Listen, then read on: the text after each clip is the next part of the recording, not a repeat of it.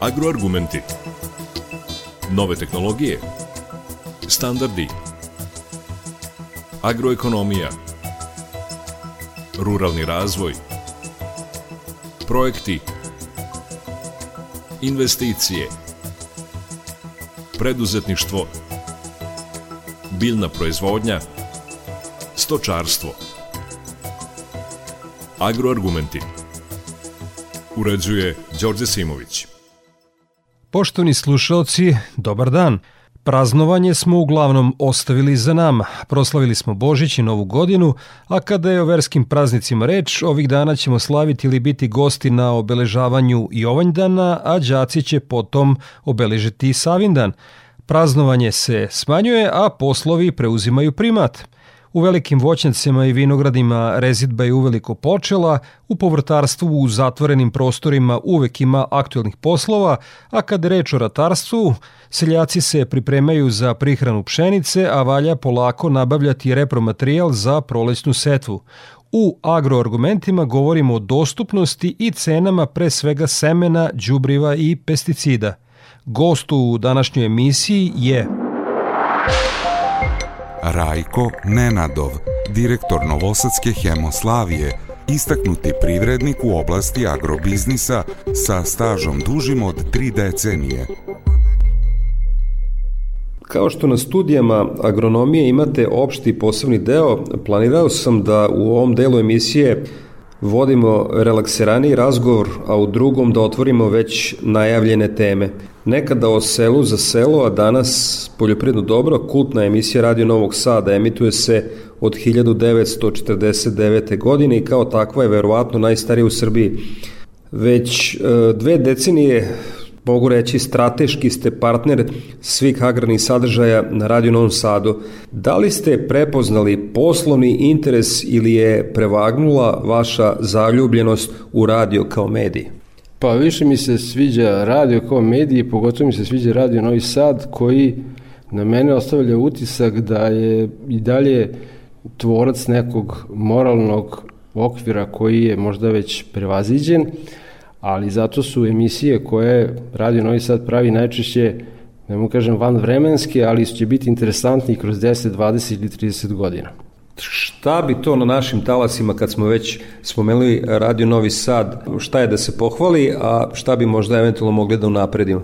Moram priznati, ne slušam baš sve, zato što uglavnom preskačem informativne emisije, mada i tu mislim da to što naletim je odmereno i nije da ne kažem ovaj, previše navijački, ali ono što se meni sviđa to su muzičke emisije, zato što u njima i dalje se vlada, da ne kažemo, pravi sistem vrednosti.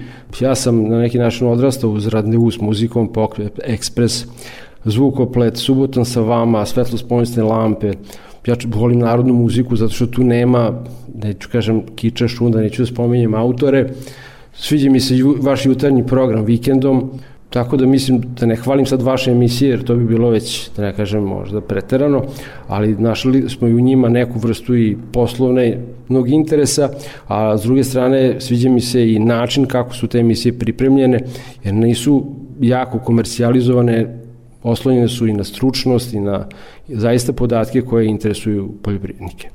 Sa pojavom televizija, potom interneta, mnogi su predviđali nestajanje radija.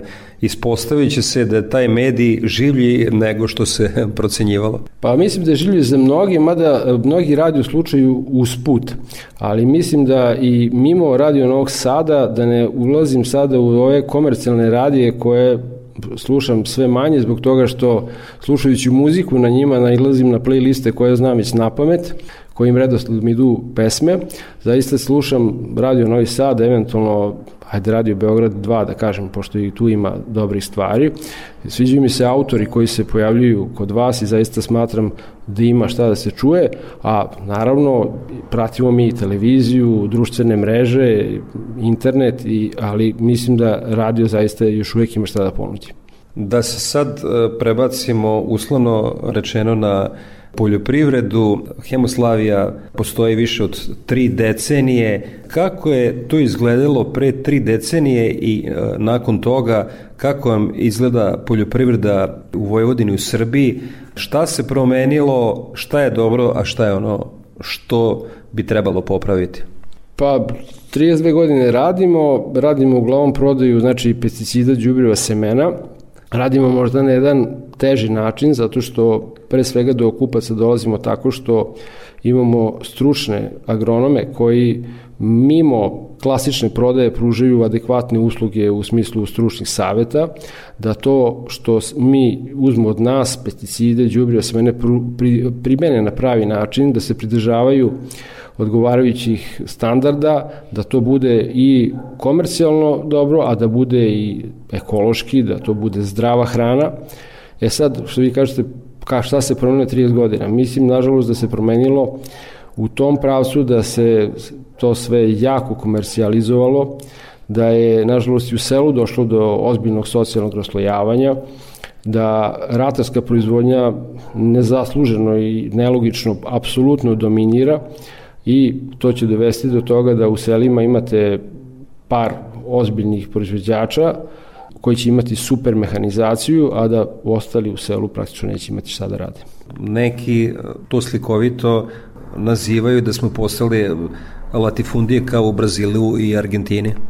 Pa nismo još stigli dotle, ali stvar ide ka tome. Ja sam, ne bih hteo samo da kritikujem, ja smatram da bi možda mogla stvar da se promeni, jer mislim da prerada i fabrike kakve smo nekad imali u svakom selu, da ne kažem u svakoj mestu i ole većem, koje su se bavile preradom poljoprivrednih proizvoda, koje su zapošljavale ljude, koje su automatski stvarali, da ne kažem, neku ozbiljnu ovaj, ozbiljno stanovništvo koje je onda imalo potrebe za školom, za zdravstvom, za kulturom, onda su ta mesta preživljavala. Ovako sada imate situaciju da jedan Sombor izgubi četvrtinu stanovništva za 20 godina, jer objektivno, vjerojatno ljudi nije se našla ne, našao neki interes, nije se našao neki litijum ili ne znam već šta tamo, pa nije stigo ni put, ni autoput do njih, ni brza pruga i sad imamo situaciju kako imamo.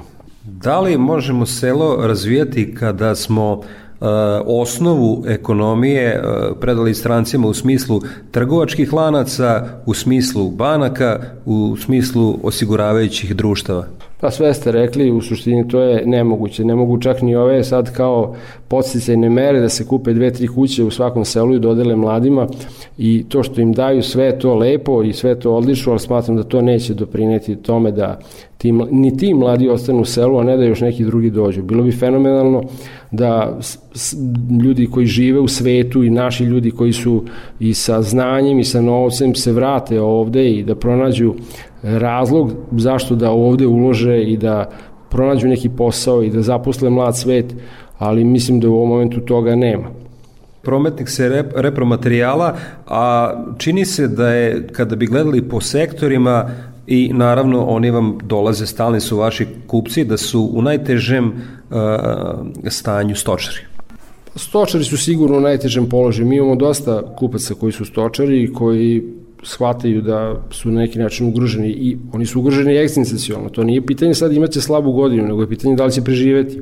Naravno, mi imamo uvoz svega i svačega, znači imamo uvoz mesa, mleka, e, voća, povrća, da li je to potrebno, naravno, nek to neko drugi odluči. S druge strane, mi imamo i ovde u ovim proizvodima koje mi radimo. Svaki godine sve manje domaćih pesticida, domaćih đubriva, domaćih semena, Kome je to u interesu, meni nije jasno. Koliko e, poljoprivrednicima znači to što ste, ajde, uz taj trgovački deo i, tako da kažem, e, svojevrsna poljoprivredna stavjetna služba u malom?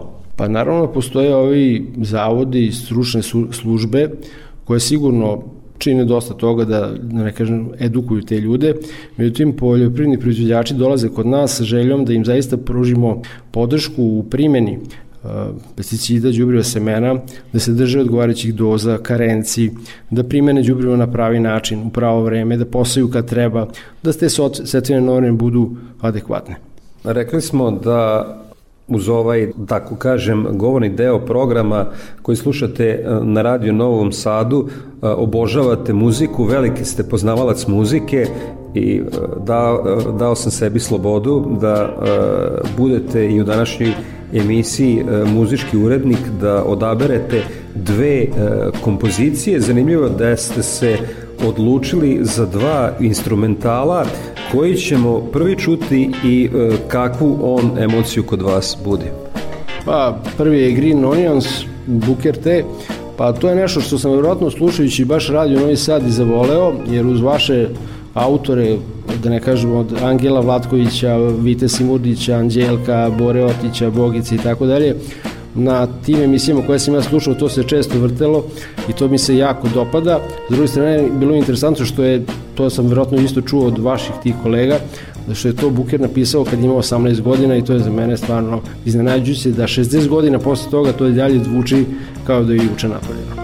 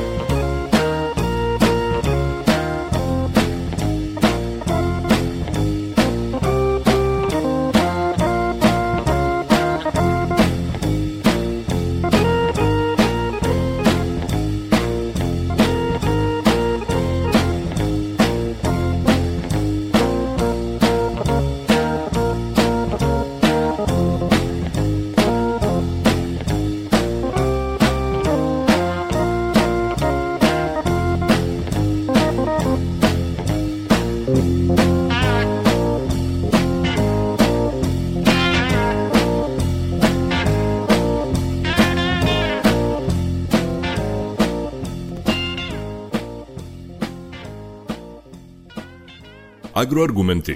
Gost u programu uh, Rajko Nenadov, direktor Novosadske Hemoslavije. Više od tri decenije ste u poslu i pravi ste sagovornik na temu dostupnosti i cene uh, repromaterijala pred uh, prolesnu setvu. Prošla godina je bila teška za biljnu proizvodnju, u soju najviše stradao kukuruz. Poljoprivrednici se najviše raspituju da li će biti dovoljno semena kukuruza i po kojoj ceni. Kako je sada stanje na tržištu? Pa naše informacije govore da će cena, da će cena biti nešto veća, to znači priče oko 10 do 15%, ali da će kukuruza semena biti dovoljno. E sad, e, kvalitet će biti nešto slabiji nego ranije, znači klijavost i energija će biti niži, zato što je godina bila vrlo nepovoljna kako za merkantilni kukuruz, tako i za semenski, ali smatram da postoji neka stabilnost. Vi ste smo zabrinuti za seme soje, zato što sem soja je doživjela mnogo veći pad i mnogo veće probleme u proizvodnji i čudno je što na neki način je i, i naša država podržala proizvođače suncokreta koje treba podržati, ali je nenormalno što ovaj, kulture koje su ugroženije, soje, kukuruz, ti ljudi nisu na neki način podržani ili nekako da im je pomognuto, tako da više smo zabrinuti za ove sojare, pa i kukuruzare, nego za proizvođače suncokreta. Da li ovde kod nas trenutno, da li, da li je dobra snabdevenost i da li poljoprivrednici već uh, kupuju uh, seme kukuruza i soje? Pa što se tiče semena soje, to još ne kupuje što ništa nije pripremljeno. Što se tiče kukuruza, to je već mesec dana je, da ne kažem, sezona traje. Nemamo mi to sve što treba, dosta je toga u pripremi, ali pravi domaćini su još otprilike 10. 15. decembra krenuli u nabavku. Odziv je dosta dobar, očekivali smo da će možda zbog loše sezone biti neke, da ne kažemo ovako, depresije i pada, da ne kažem i intenziteta i prodaje i, i entuzijazma kod poljoprivrednih proizvođača, međutim, naši ljudi ipak su ozbiljni, vredni, radni i ovaj deo bar koji gravitira ka nama, mislim da su ljudi malo nezavisniji od drugih, malo manje se zaleću, malo manje uleću u velike kredite, malo manje e, se kupuju te preglomazne i preskupe poljoprivredne mašine, tako da ovaj, vode mnogo više brigu o tome da sagledaju kraj svog posla. Koliko ovo odsustvo snega, padavina uopšte može biti destimulacija za one koji žele na proleće da seju kukuruz? Pa znate šta, sad, to je, sad smo u januaru, ko zna kakav će biti februar, mar da ne budemo proroci u tom smislu, imali smo različiti godina. Ja mislim da ljudi ne treba da žure ni u čemu, da sačekamo, mislim da će se stvoriti neki agrouslovi za da se ta setva obavi na vreme i na pravi način. Jedino ne bi volili da se ponovi suša kakva je bila u prošloj godini, što bi zaista bilo katastrofalno, znate i sami koliki su, da ne kažem, podbačaj bili u, u, u ovaj, rodu i prinosu i da se to i tekako osetilo i na budžetima cele države. I da završimo uh, priču o kukuruzu, uh, neke semenske kuće imaju značajne razlike u okviru svoje semenske kuće između uh, hibrida. To jeste naravno njihova poslovna politika, ali da li mislite da je to opravdano? Pa mislim da nekad nije opravdano ne, mislim, objektivno, oni se ne pojavljuju kao neki naši dobročinitelji, to su sve komercijalne kuće koje nekad nam bude žao što se neki, uh, neki hibrid recimo izbacuje koji ima dobru cenu i dalje ima dobru prodaju, ali se pojavljuje novi hibrid po novoj ceni koja je veća, E sad, za, jasno vam je da se je tu pitanju komercijalni razlozi i nama bude žao zbog toga, zato što navikli smo kupce na jedno, onda posle 4-5 godina moramo da idemo u neki novi proizvod i da objašnjavamo kvalitete tog novog proizvoda. Nisu to nekvalitetni proizvodi, samo nažalost često su sa novim većim cenama i to je za nas i za naše proizvođače problem. Kultura koja je lane koliko toliko izdržala sušu, a evo i država je e, preminala, bio je suncokret, dakle premirala je naknadno jednom stavkom koja uopšte nije bila osmišljena u budžetu, kakva je zainteresovanost poljoprivrednika za nabavku suncokreta? Pa suncokret je u suštini nešto što vidim da interesovanje je ozbiljno, postoji, Tu možda može da dođe do nekih možda malih nestašica i da, mislim, suncokreta ćemo imati dovoljno. Sad da ćemo imati od svih proizvođača, to je malo pod znakom pitanja, ali mislim da će to biti obezbeđeno vreme, s druge strane cena će takođe biti neznatno veća, tako da sigurno sam da će kalkulacija za proizvođače suncokreta biti dobra. Godinu dana, kada se pričalo o poljoprivredi i repromaterijalu, uglavnom se spominjalo e, preskupo e, mineralno đubrivo. Poslednje dva meseca pred novu godinu cena je krenula neznatno da pada, kakva je sada situacija. Ajde prvo da počnemo sa azotnim đubrivima, pošto nam se približava i prihrana pšenice. Pa azotnih đubriva imamo, trenutno su cene u blagom padu, ali zaista ne možemo predviđati šta će se dešati. Znači, kolebanja postoje, s druge strane, znate same da su neke tu carine sada postoje za robe koje nisu iz Rusije i Europske unije, sad pojavljuju se i ti ovaj ulazi tog azotnog đubriva. Mislim da ovaj ne, nekog naglog pojeftinjenja neće biti a mislim da poskupljenje ne dolazi u obzir Da li vaši stalni kupci e, dominantno troše one količine koje su e, koristili, ali prinosa nema bez azote, ali su ipak odlučili da ušparaju? Pa neki se trude i da uštede, ali ovaj pravi proizvođači su svesni da bez ozbiljne, da ne kažem, agrotehnike oni ne mogu očekivati kvalitetan rod. S druge strane, e, većina ovih e, uvoznih hibrida koji se rade, on, za njih je tek agrotehnika neophodna.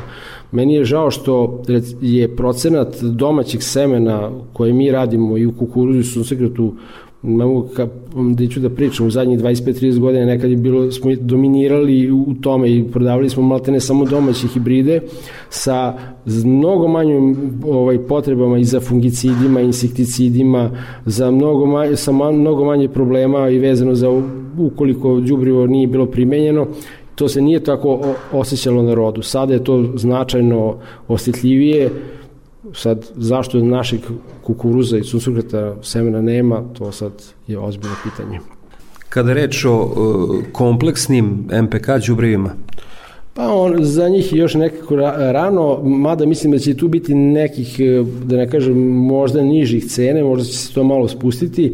Mi kad gledamo kompleksa đubriva, mi se trudimo da gledamo i ova ozbiljna đubriva koja su recimo koriste povrtari kad su u pitanju recimo jarine, đubrive i tako dalje, pa i tu će izgleda doći do blagog spuštanja cena, ali očigledno da je to neki globalni fenomen na koji mi ne možemo da utičemo.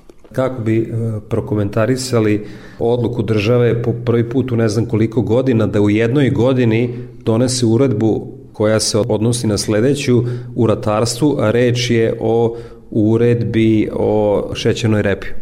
Pa moram pitati, mi sa šećernom repom ovaj, sa, malo radimo i mali broj artikala koje uspevamo da ponudimo i da prodamo ovaj, proizveđujemo šećerne repe, ali tu je mi, mi imamo stalni diskontinuitet u svemu. Mislim, mi gledamo, nikad nemamo projekciju za bilo koju proizvodnju u narednih 10, 20, 30 godina. Sve to e, danas e, je, se zagrejemo i za 2, 3 godine toga nema.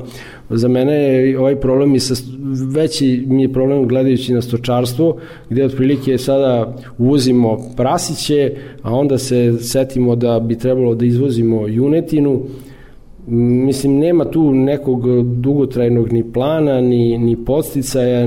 Ljudi su, da ne kažem, dovedeni u situaciju da se svake dve godine menja neki, neki plan i ono što je atraktivno i ono bi što bi trebali da rade. I evo, kada je e, o repromaterijalu reč, treba se dotaći i pesticida, kakva je tu situacija? Pa tu sa pesticidima m, e, Srbija i naši ovaj, zakonodavci dosta nas e, sužavaju što tiče asortimana. E, recimo, insekticida je sve manje, to je lepo iz ekoloških razloga, ali je dosta problematično što tiče ovaj, preživljavanja i toga kako na neki način sa insektima izaći na kraj. Jer ko se bavi tim e, shvata da svake godine imamo sve više više štetočina i to je različitih štetočina, a broj insekticida koji su odobreni je sve manji i manji. Tu znači ili nauka ne radi svoj posao, a trebalo bi da radi. Ne, istina, nekad je nauka radila za opšte dobro, sad danas radi samo za korporacije, što je poseban moralni problem, ali znači e, što se tiče herbicida tu nema nekih problema sem ovih e, rezistencija koje su često posledica našeg neadekvatnog, da ne kažem, pridržavanja setvenih e, normi i plodoreda i ostalih stvari, ali mislim da što se tiče herbicida tu će biti problema.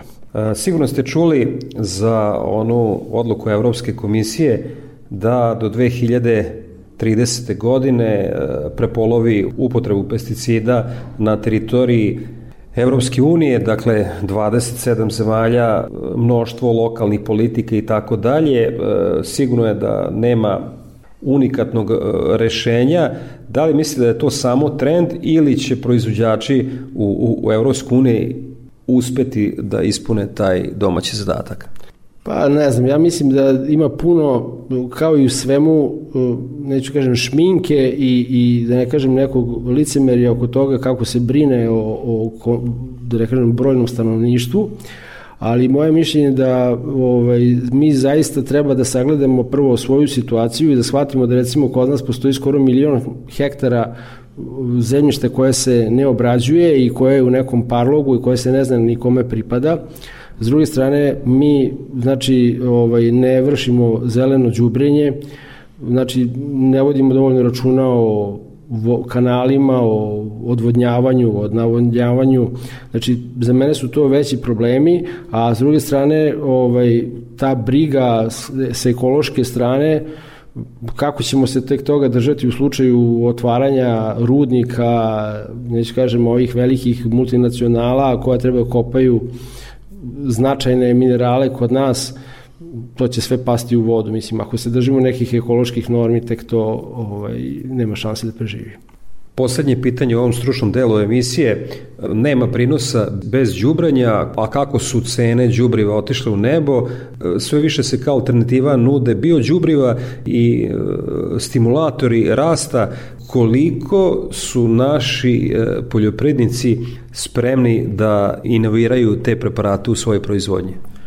Mi imamo deo asortimana i tih roba i ja smatram da tu ima nekog smisla. S druge strane, mi moramo svesti da je procent humusa kod nas sve manji i manji zbog neadekvatnog đubrenja.